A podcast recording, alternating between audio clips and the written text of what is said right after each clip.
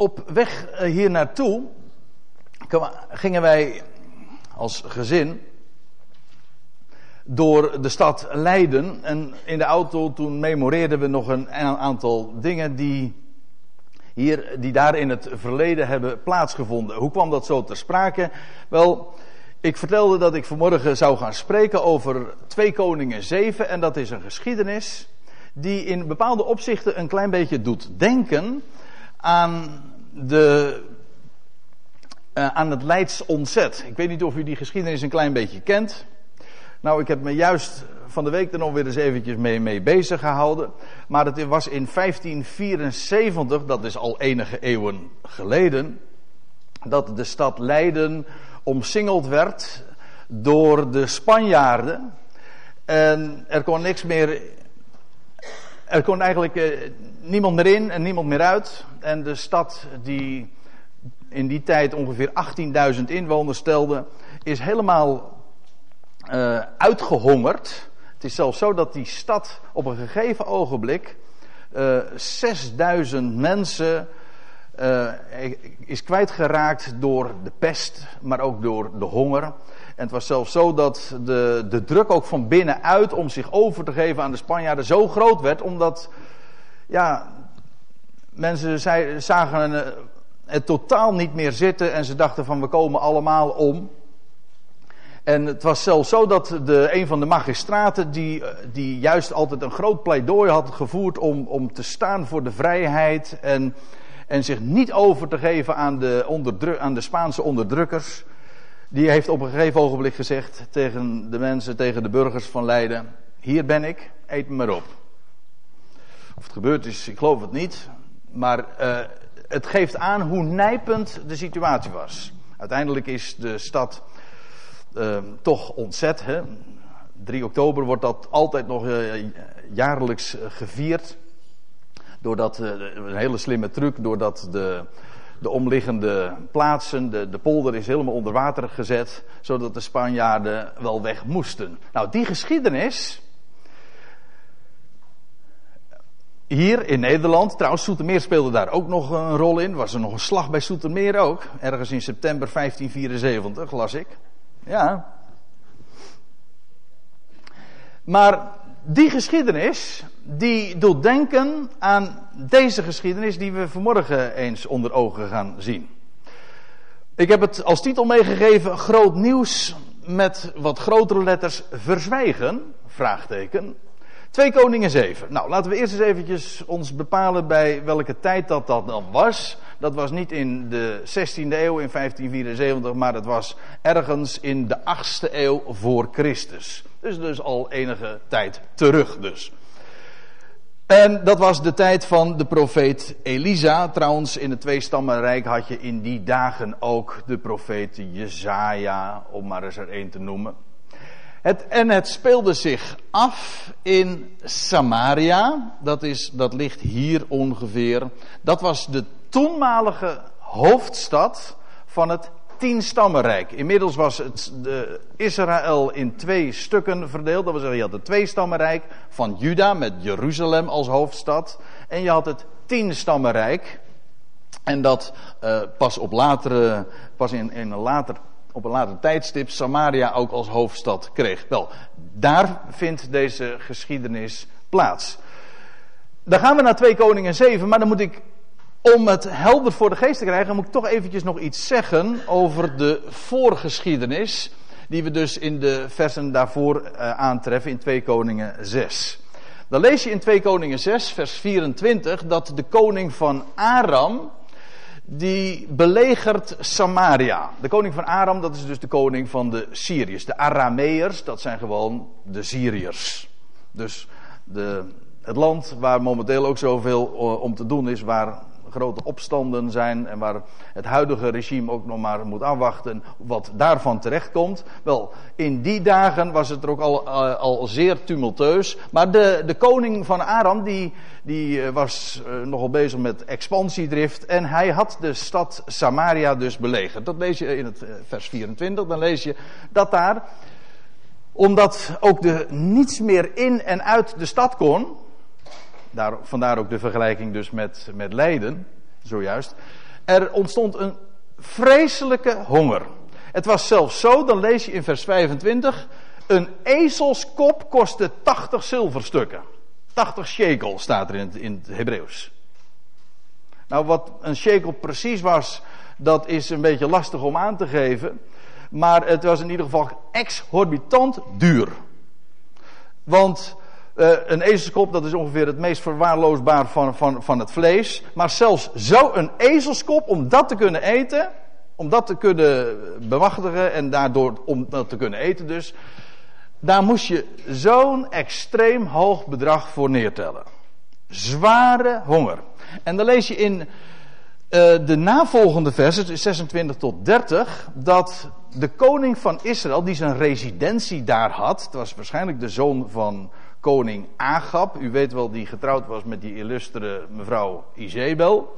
Waarschijnlijk die zoon, maar dat is wat omstreden, dat doet nu even niet ter zake. De koning van Israël, die had zijn residentie dus in Samaria. En die loopt daar over de stadsmuur. En die hoort daar een vrouw om hulp roepen. Hosanna, zegt ze. Hosanna betekent, wij, wij denken dat het een, een uitroep is van triomf, maar Hosanna betekent eigenlijk red toch? Nou, die vrouw die zegt red toch, koning. En, en de koning die loopt daar over, over de muur en hij hoort haar verhaal. Hij zegt, ja, als... De, het eerste antwoord wat, die, wat de koning geeft aan die vrouw is, wie ben ik? Als de Heere u niet helpt, wie ben ik dan om u hulp te geven? En, maar wat is er aan de hand? Vraagt, uh, vraagt de koning. En dan hoort hij die vrouw zeggen van ja, zegt, ik heb gisteren de deal gemaakt, moet u nagaan. Ik heb gisteren de deal gemaakt met een vriendin of met een andere vrouw, dat we, uh, dat we onze, onze kinderen zouden opeten. Gisteren hebben we ons, hebben we mijn kind opgegeten. En dan zouden we vandaag haar kind opeten.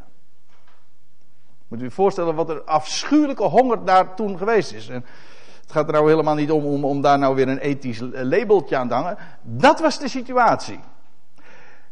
En nou, die vrouw die riep, riep, om hulp en ze zegt, ja, nou, nou is die vrouw, heeft ze haar kind verborgen, ze wil het niet.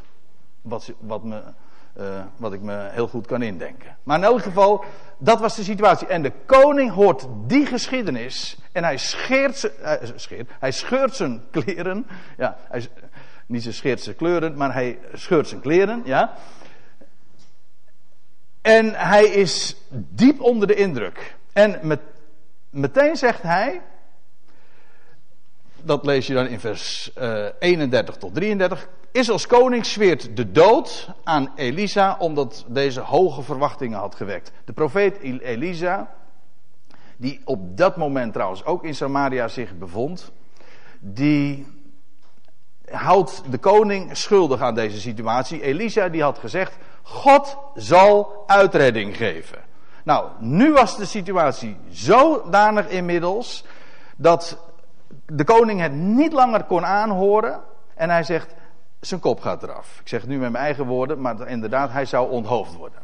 Van, vandaag nog zal zijn hoofd eraf gaan. Dus de profeet Elisa werd verantwoordelijk gehouden voor deze situatie, omdat hij een, een perspectief had geschilderd waarvan de koning zegt, dat is dus niet uitgekomen.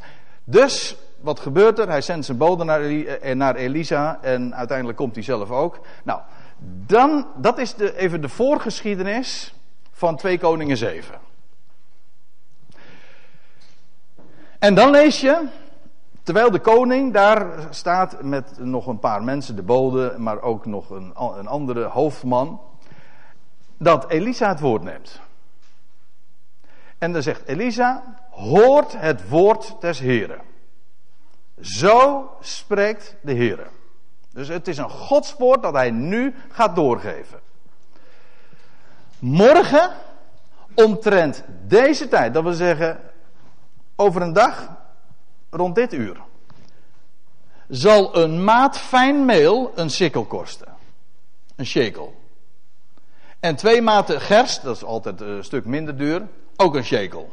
Bij de poort van, Shamari, van Samaria. De poort, dat is de plaats waar niet alleen de heerschappij plaatsvond. Er werd geheerst in de poorten, maar het was sowieso een plaats waar het openbare leven samenkwam, waar ook de markt was, waar verhandeld werd. Morgen zal er verhandeld worden, dus het is niet alleen maar hij geeft aan wat de prijzen zullen zijn, maar hij geeft ook al aan, er, op deze tijd zal er morgen weer gewoon gehandeld worden. Meel en gerst, waar ook weer brood van gemaakt wordt. En dit zullen de prijzen zijn. Dat zijn nog vrij hoge prijzen, dat wel, voor een shekel. Zo heb ik me door de uitleggers laten vertellen. Maar het is absoluut niet extreem. Ik wou haast, zeggen, ik wou haast een vergelijking trekken met de benzineprijzen, maar dat, hm, ik weet niet of dat helemaal opgaat.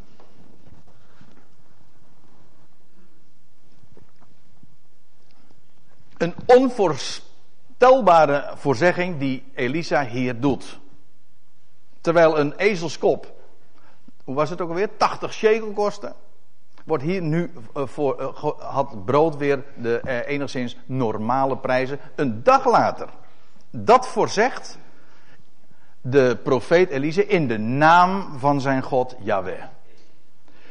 En dan staat er in vers 2, daarop antwoordde de hoofdman, eigenlijk staat er de, ja, de, het was de derde man. Als je het, het, woord, het Hebreeuwse woord letterlijk neemt, dan zou dat de derde man zijn. Maar in elk geval op wiens arm de koning leunde. Dat is uiteraard symbolisch. Wij zeggen dan van zijn recht, zo spreken wij erover, zijn rechterhand. Dat is ook niet letterlijk, dat is ook een uitdrukking natuurlijk. Iemand is jouw rechterhand. Nou, in het Hebreeuws zeg je de, de hoofdman op wiens arm de koning leunde. Die zeide tegen de, de, de man gods, dat is dus uiteraard Elisa. Ook al, die lijkt vrij brutaal, want het is niet de koning die het woord neemt, maar deze man. Maar hij, die is ontsteld en die, en die spreekt zijn ongeloof uit. Ook, hij zegt, ook al zou Yahweh, de Heere, sluizen in de hemel maken, zou dit, dit dan kunnen geschieden, wat, je, wat jij nu zegt. Dat wil zeggen, al zou de hemel wagenwijd open ge, uh, gezet worden en de deuren geopend worden en, en, en het zou overvloeien, zelfs dan kan het nog niet. Met andere woorden, het is onzin, dit kan niet. Maar hij zeide, dat is de man gods, Elisa dus, zie, jij zult het, niet betekent, ik zeg het weer eens eventjes, dat betekent niet jij moet, maar jij zult het, dat is een voorzegging, jij zult het met eigen ogen aanschouwen maar daarvan niet eten. In dezelfde geschiedenis nog lees je inderdaad dat het exact zo uitgekomen is. We gaan het vanmorgen niet die hele geschiedenis lezen, daar komen we domweg niet aan toe. Maar aan het einde eh, van dit hoofdstuk lees je inderdaad dat dit letterlijk zo vervuld wordt. Dat de volgende morgen er inderdaad markt is, daar bij de, bij de poort. En dat de prijzen inderdaad zo uh, waren gereduceerd en dat er weer verhandeld werd in meel en in gerst. En de hoofdman die hier zijn, die een dag daarvoor nog zijn, zo zijn ontsteltenis en in zijn ongeloof had uitgesproken, die heeft dat met eigen ogen gezien.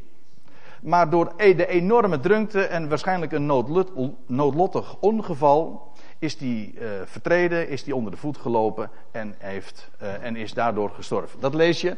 En in vers 17, en de koning had de hoofdman op wiens arm hij leunde aangesteld over de poort. Want dat was zijn, dat was zijn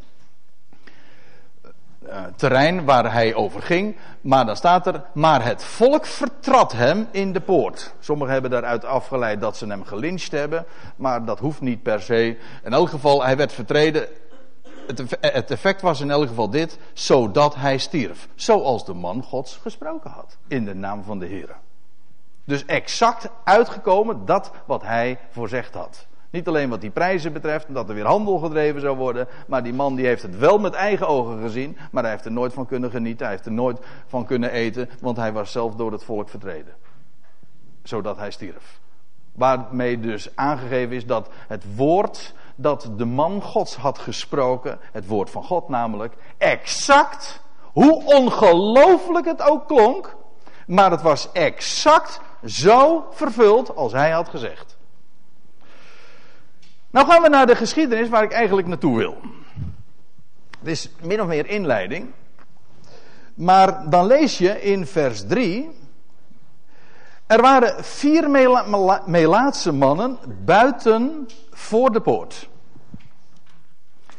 Want Melaatse mannen, Melaatse mensen in het algemeen, die mochten zich uiteraard niet onder de mensen bevinden. Die bevonden zich altijd buiten de legerplaats, buiten de stad.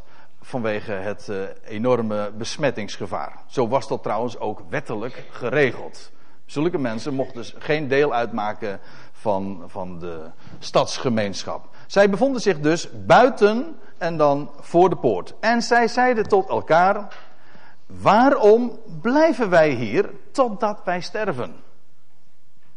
En dan volgen hun overwegingen. Indien wij zeggen, wij zullen de stad, wij zullen de stad binnengaan, wat helemaal niet mocht.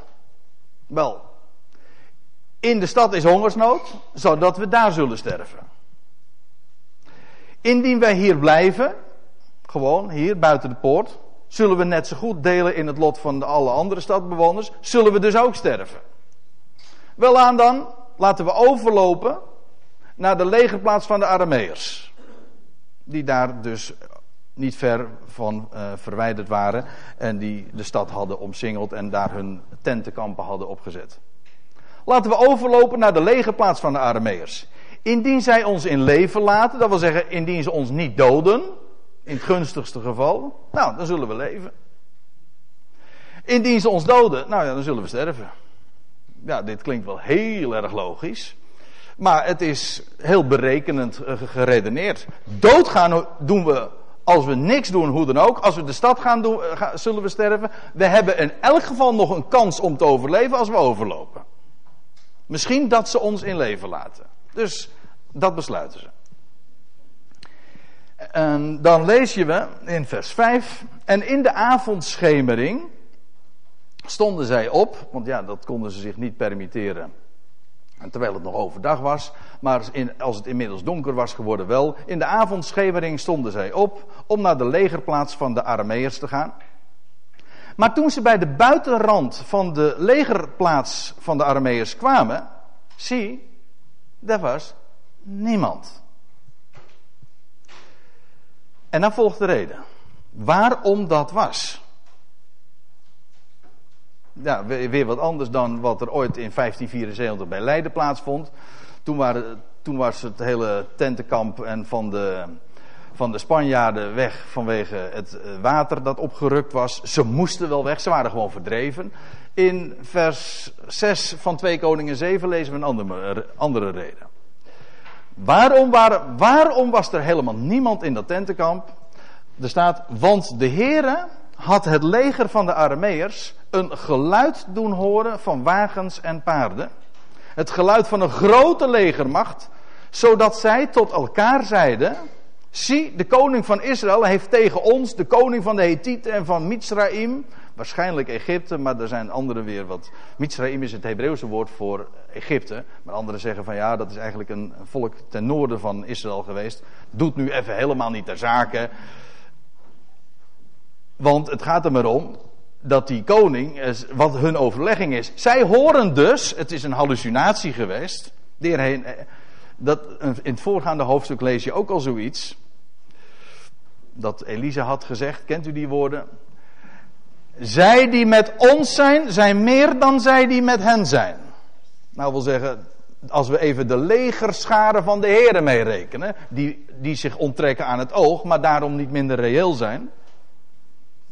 En soms kun je dingen zien, soms, eh, dat is heel grappig, er zijn heel veel dingen die we niet zien, maar wel reëel zijn. En omgekeerd, en dat was hier het verhaal, zij hoorden nu dingen die helemaal niet reëel waren. De Heer had hun een geluid doen horen van wagens en paarden, het geluid van een grote legermacht, zodat zij voor maar één conclusie konden trekken. En dat is dat de koning van Israël een, uh, een hinderlaag had, had getroffen en, en uh, het zo geregeld had dat de koningen van de Hethieten en van Mitzraim, die waren, zouden zijn ingehuurd om hen, de koning dus, om de Arameërs te overvallen.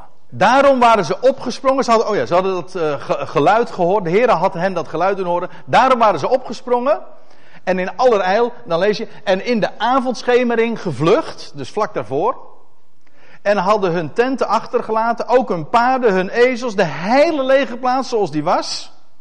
Ze waren gevlucht om hun leven te redden. Letterlijk staat er, ze waren gevlucht voor hun ziel.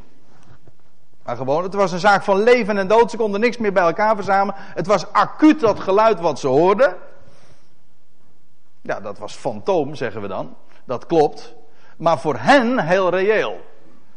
Dus de schrik was er zo ingeslagen, ze, waren, ze moesten linea recta moesten ze vluchten. En dat waren, hadden ze ook gedaan. En ze hadden de hele legerplaats gewoon zo gelaten. Later lees je trouwens in de geschiedenis, maar die gaan we nu niet meer, dat zullen we straks niet meer lezen. Maar daarom noem ik het nu even. Nou, als, je, als ze dan de, de koning van Samaria eh, op verkenningstocht even laat gaan, want hij vertrouwt het niet allemaal. Dan lees je dat ze op hun vlucht nog van alles hebben achtergelaten. Ook bovenklederen enzovoorts. Want ja, ze moesten zich echt het vegenlijf redden, dachten ze. Kijk, dat was de redding die de Heer had bewerkstelligd.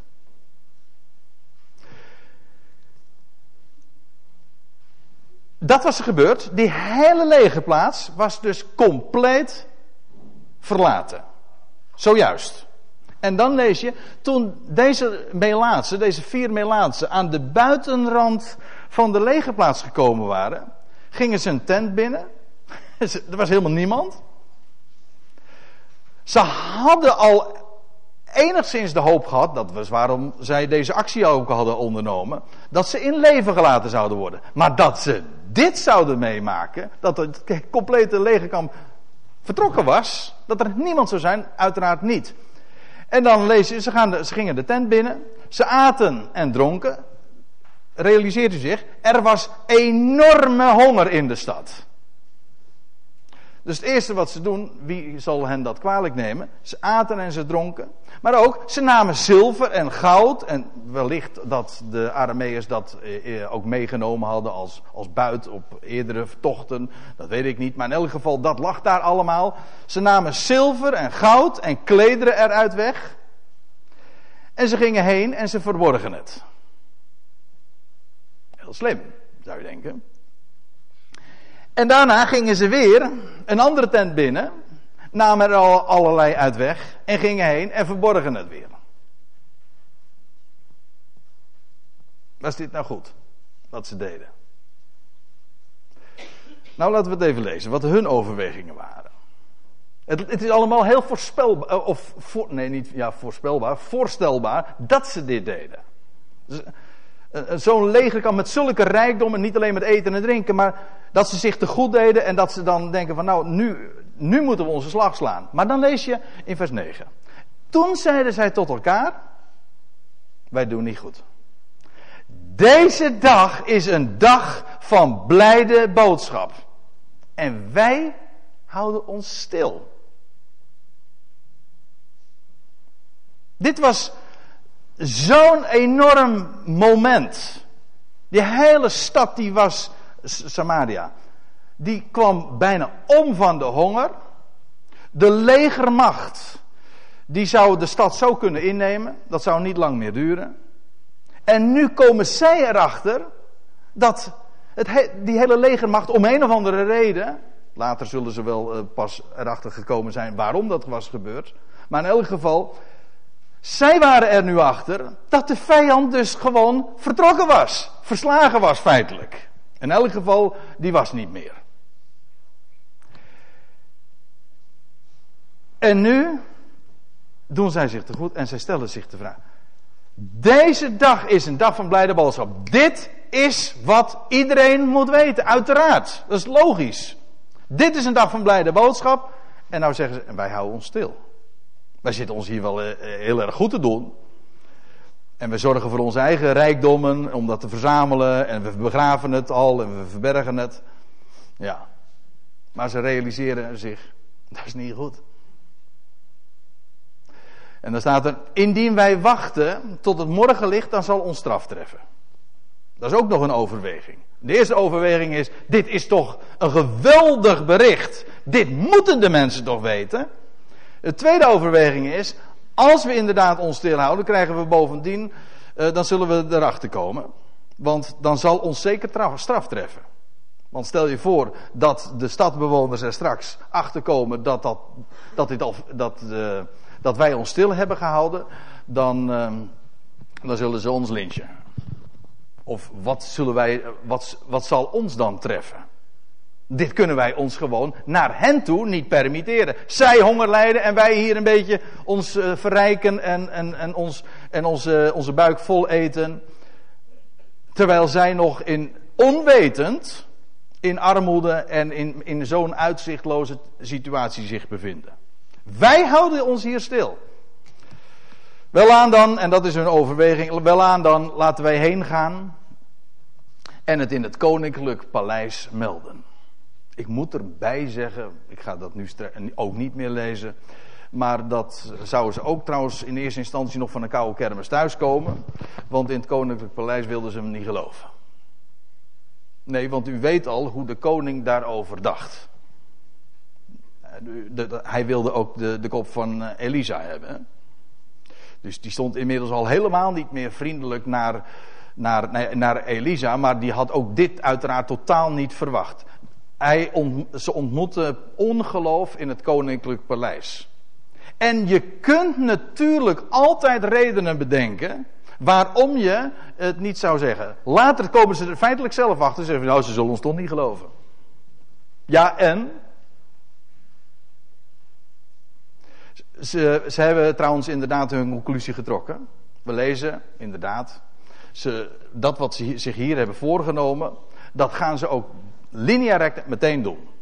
In eerste instantie was, gingen ze gingen ze dus, uh, hadden ze alleen maar aan zichzelf gedacht. Maar toen het besef doordrong dat het niet goed was, toen hebben ze inderdaad actie ondernomen en ze, van, ze zijn het gaan vertellen. En ze hoefden geen cursus eerst te doen. Van hoe vertellen we dit nou? Hoe vertellen we dit goede bericht? Hoe vertellen we dat evangelie? Hm? Nee, u zegt van, nee, hè, hè, dat is logisch. Nee, maar ik, je, hoort, je hoort toch heel vaak dat er dan uh, zulke cursussen georganiseerd worden. Hoe vertel je het evangelie? Nou, ik, mijn standpunt is. Dat maakt helemaal niets uit hoe je het vertelt. Als het maar vertelt. En welke woorden je ervoor kiest, dat maakt helemaal geen verschil. Het is alleen niet goed dat als je het weet, om het voor jezelf te houden. Dat is een ding wat zeker is. Kijk, deze Milaatse, dat is, moet duidelijk zijn, is, zijn een prachtig type van, als u mij vraagt, van de gelovigen in onze dagen. Waarom? Nou, A, ze zijn Milaats. uh, ja, ik bedoel, ze zijn outcast. Ze, zijn, ze worden niet erg gepruimd in de wereld. Ze worden ook voor dwaas versleten. Er zijn alle redenen. En als u daar wat meer over wil lezen, dan zou je dat eerste hoofdstuk van 1 Korinthe eens moeten lezen. Wat God heeft uitverkoren. Niet het edele, niet het aanzienlijke. Niet het wijze en het verstandige. Nee, Gods aandacht gaat altijd naar het uitschot. Als aangenaam. Hè? ja.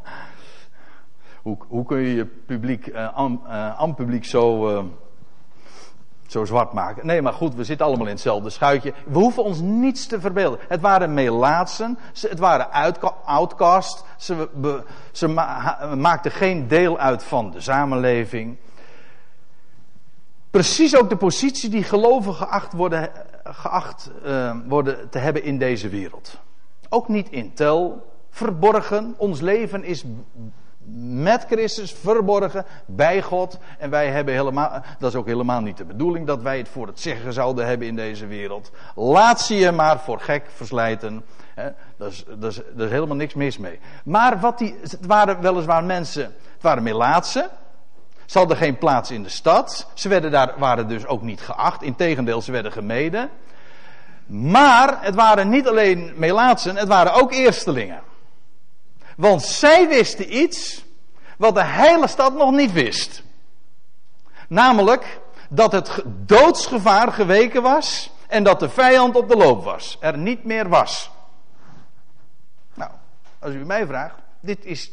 En ja, ik moet er nog iets bij zeggen. Het was donker in Samaria. En dat is trouwens ook de situatie in onze dagen. De wereld is donker. Het is duister. Maar er is één categorie mensen, niet in de wereld in tel, al, dat is allemaal waar, maar er is één categorie mensen die weet hoe het zit. Om even aan te sluiten bij de, het vorige praatje. Namelijk, wij weten, God is God. Hij zet alles op zijn plek. In wezen is dat ook de hele essentie van het, van het goede bericht, die blijde boodschap, die goede tijding die we hebben te vertellen. Er is één God. En sterker nog, wij, weten, wij kennen het bewijs ervan. Wij weten het doodsgevaar is geweken. De dood is overwonnen. Wij hebben werkelijk een blijde tijding. Ik bedoel echt een blijde tijding. Want ik, ik zat net even een misschien wat schampere opmerking te maken over wat er dan verteld wordt over evangelisatie. Hè, en waar je dan cursussen voor kunt doen. En dan moet er, wordt er gezegd van mensen, we, we, we moeten evangeliseren. En, maar niemand uh, wil het vertellen. Weten we waarom niet? Ze hebben geen evangelie. Ik, het is mij ook zo wel verteld, in, in, ik bedoel nu echt gewoon in de christelijke religie, ik zeg het expres zo, wat afstandelijk, want ik neem daar ook afstand van, want in dat opzicht is het christendom niet anders dan welke religie ook. Ze vertellen je geen blijde boodschap, ze vertellen een, een, dramatische boodschap. Zo werd het ook verteld. Van ja, als, wij, als je niet evangeliseert, dan zullen ze straks, als ze in de hel zijn, het jou kwalijk kunnen nemen dat, ze je nooit hebben, dat jij hen nooit hebt gewaarschuwd. Zo. Nou, dat is dus eigenlijk evangeliseren. Waarschuwen dat de mensen naar de hel toe gaan. En hel en verdoemenis wacht. Nou, dat is geen even, dat is niet de blijde tijding hoor. Wij hebben een, werkelijk een blijde tijding. Wij weten, de dood is overwonnen. Wij, wij kunnen tegen de mensen vertellen: God is jouw redder. Wie je ook bent van al die miljarden mensen, God is jouw redder. Hoe dan ook. En dat kun je gewoon vertellen. Dat is werkelijk dus een blijde tijding. En het is niet zo van dat, uh, dat, wij, het, uh, dat wij het zouden vertellen omdat we anders met, met, de gedachte van ja, dat, dat, dat ze straks in de hel ons zouden dat kunnen, waars, kunnen kwalijk nemen dat het hen nooit is verteld, dat ze nooit zijn gewaarschuwd. Nee, het gaat erom dat er nu zo enorm veel mensen in de wereld zijn. Die honger hebben.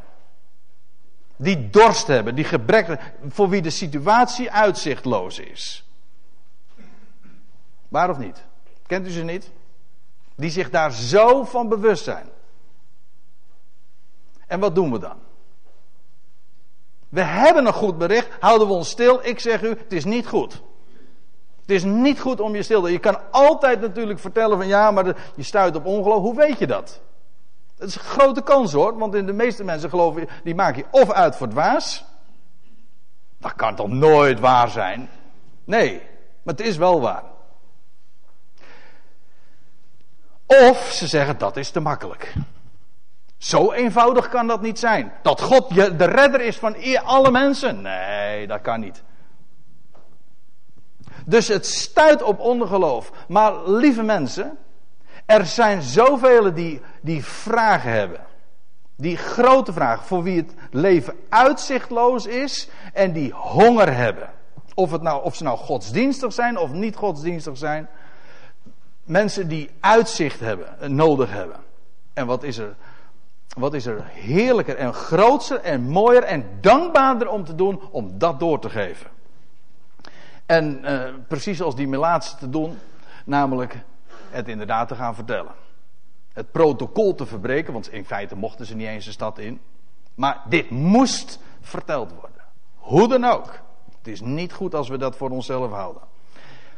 Ik wil nog een paar versen uit, maar nu gaan we naar het Nieuwe Testament uh, lezen. Waar we exact dezelfde waarheid vinden, ge, zien uitgedrukt. De apostel Paulus, in Romeinen 10. Daar zegt Paulus dit. Immers, het is een beetje midden in een, in een betoog dat hij houdt. Dat blijkt wel uit het eerste woord natuurlijk. Maar laten we ons even focussen op wat er volgt. Immers, één en dezelfde is Heer over alle. Ik heb het woordje over doorgekrast, want er staat letterlijk van. Hij is Heer van alle. Weet u wat dat betekent? dat elk mens zijn eigendom is. U weet wel, hè? Wat is onze. Ja, ik zeg, u weet wel.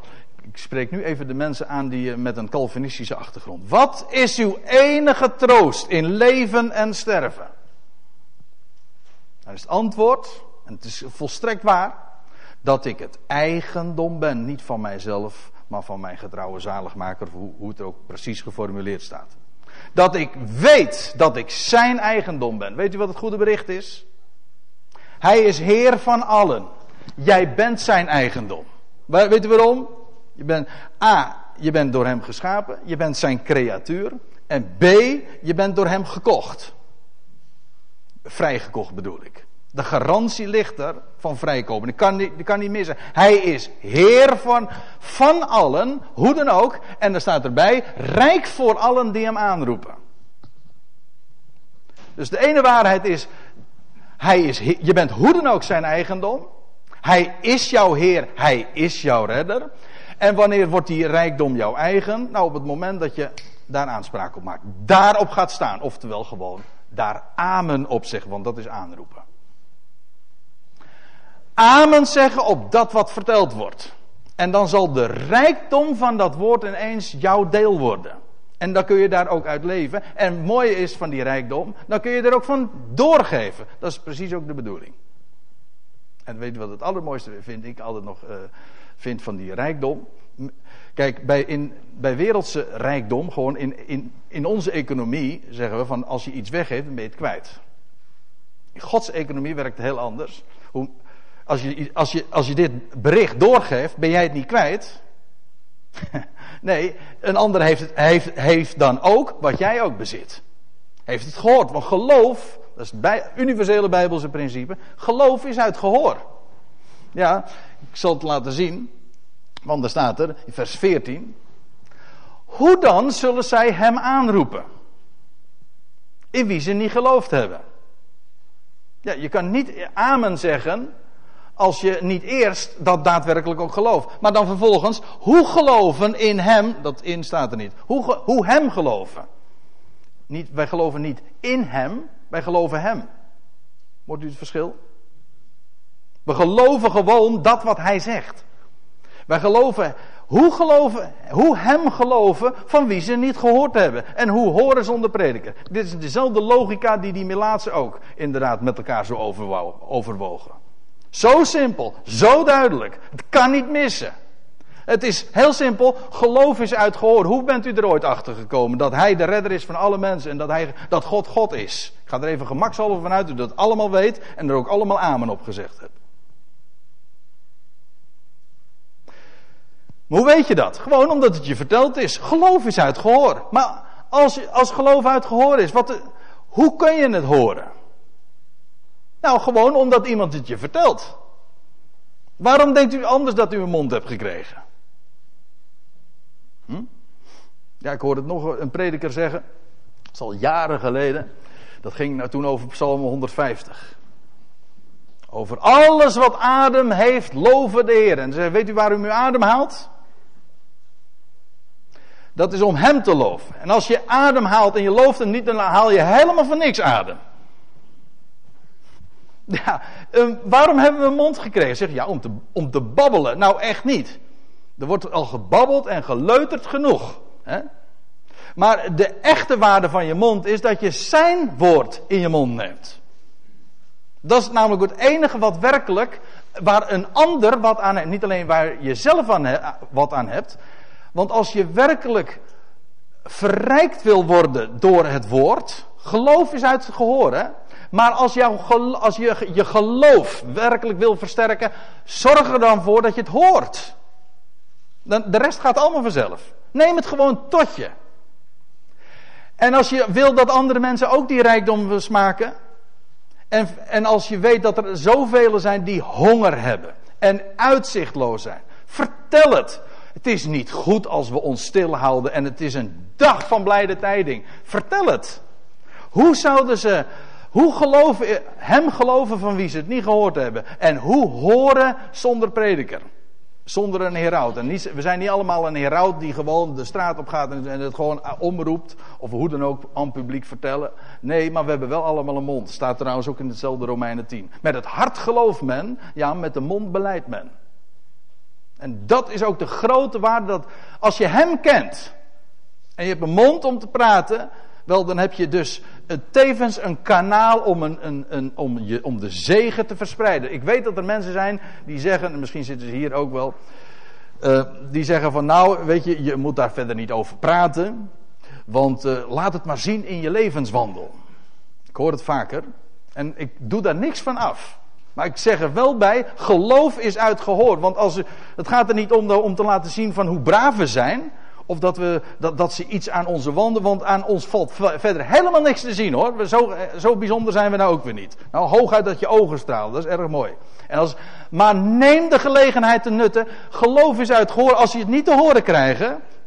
Als ze niet daadwerkelijk te horen krijgen dat God God is. Ja, van wie moeten ze het dan vernemen? Het gekke is trouwens. Eigenlijk vertellen we niks nieuws. Ik bedoel dit. Ook dat kunt u lezen in dezezelfde Romeinenbrief.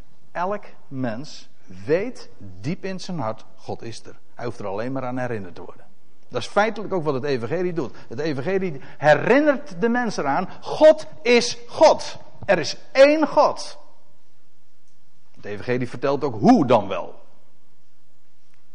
Ja, want nou gaan we even nog naar dat andere vers. Waar ik ook op wil wijzen. Daar wordt gesproken in 1 Timotheus 2. Ja, dan sla ik maar eventjes de eerste verse over.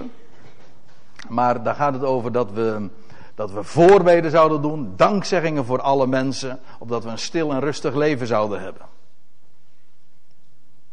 Dat staat tegenover een leven van altijd maar in rebellie en klagen. Waar, waar mijn broer Dirk het ook al over had. Waar we hier zo ontzettend goed in zijn. In klagen, daar gebruiken wij onze mond dan voor. Hè? Hoe is het? Nou ja. Bergje. Nee, maar gewoon, we hebben, we hebben een kostbaar woord. We hebben een blijde boodschap. Deel het. Moet je kijken wat het uitwerkt. En zeggen van, ja, maar er zijn velen die het niet geloven. Nou en? Die weet de Heer op zijn tijd ook wel te vinden. Maar ik ben ervan overtuigd. Waarom? Omdat de schrift het zegt. Wij zijn uitverkoren niet omdat wij lievelingjes van hem zijn. Maar omdat hij gebruikt ons als instrumenten om zijn woord en zijn zegen te verspreiden. Waarom was Abraham uitverkozen? Uitverkoren? Wel, opdat door hem en zijn zaad alle volkeren der aarde gezegend zouden worden. Dat is uitverkiezing. Hij kiest instrumenten uit waardoor hij de anderen gaat zegenen. Dat is toch geweldig om, om, om, een, om in een dag van blijde tijding om dat te vertellen. Dit is goed en aangenaam voor God, zegt Paulus in 1 Timotheus 2 vers 3. Voor voor God, onze redder, onze heiland, die wil dat alle mensen gered worden. Wat wil God? Nou, ik weet één ding. Hij wil dat alle mensen gered worden. En als u nog twee hoofdstukken verder bladert, dan ziet u dat Paulus zegt: De levende God is een behouder van alle mensen, allermeest der gelovigen. En daarom zette hij zich in en spande hij zich in, omdat al, opdat ieder dat zou weten. God wil dat alle mensen behouden worden en tot erkentenis van de waarheid komen. Welke waarheid? Nou, deze waarheid.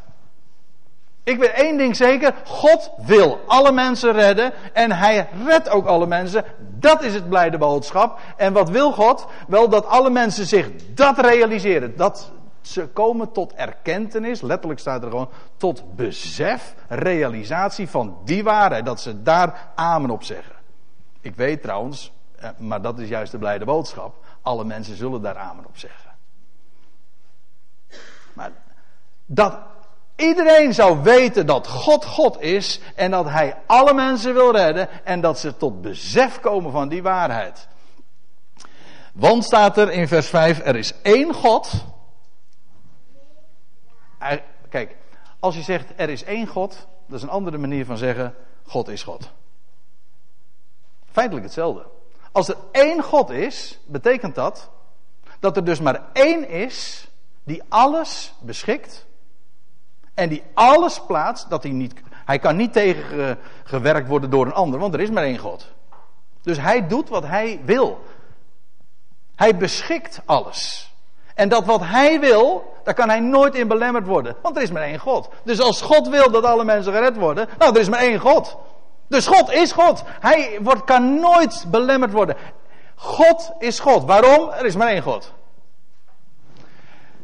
Want er is één God.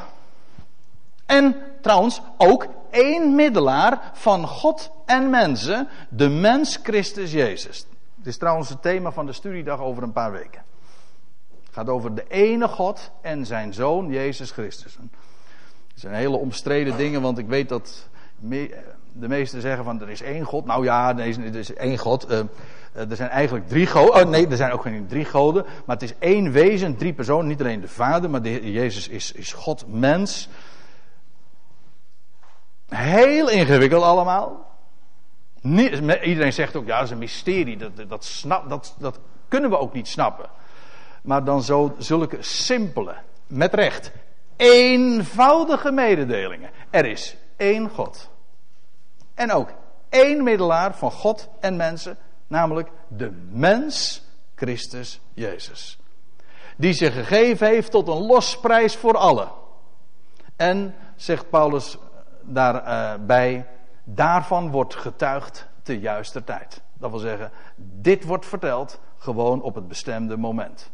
Dit is precies ook het getuigenis wat we hebben. Er is één God, één middelaar. Er is er één die zich gegeven heeft tot een losprijs voor allen. En hier, hier ziet u tevens het bewijs wat ik zojuist zei. De prijs is betaald voor allen. En dus is hij Heer ook van allen. Want hij heeft nou, je bent gewoon gekocht en betaald. Je bent van hem.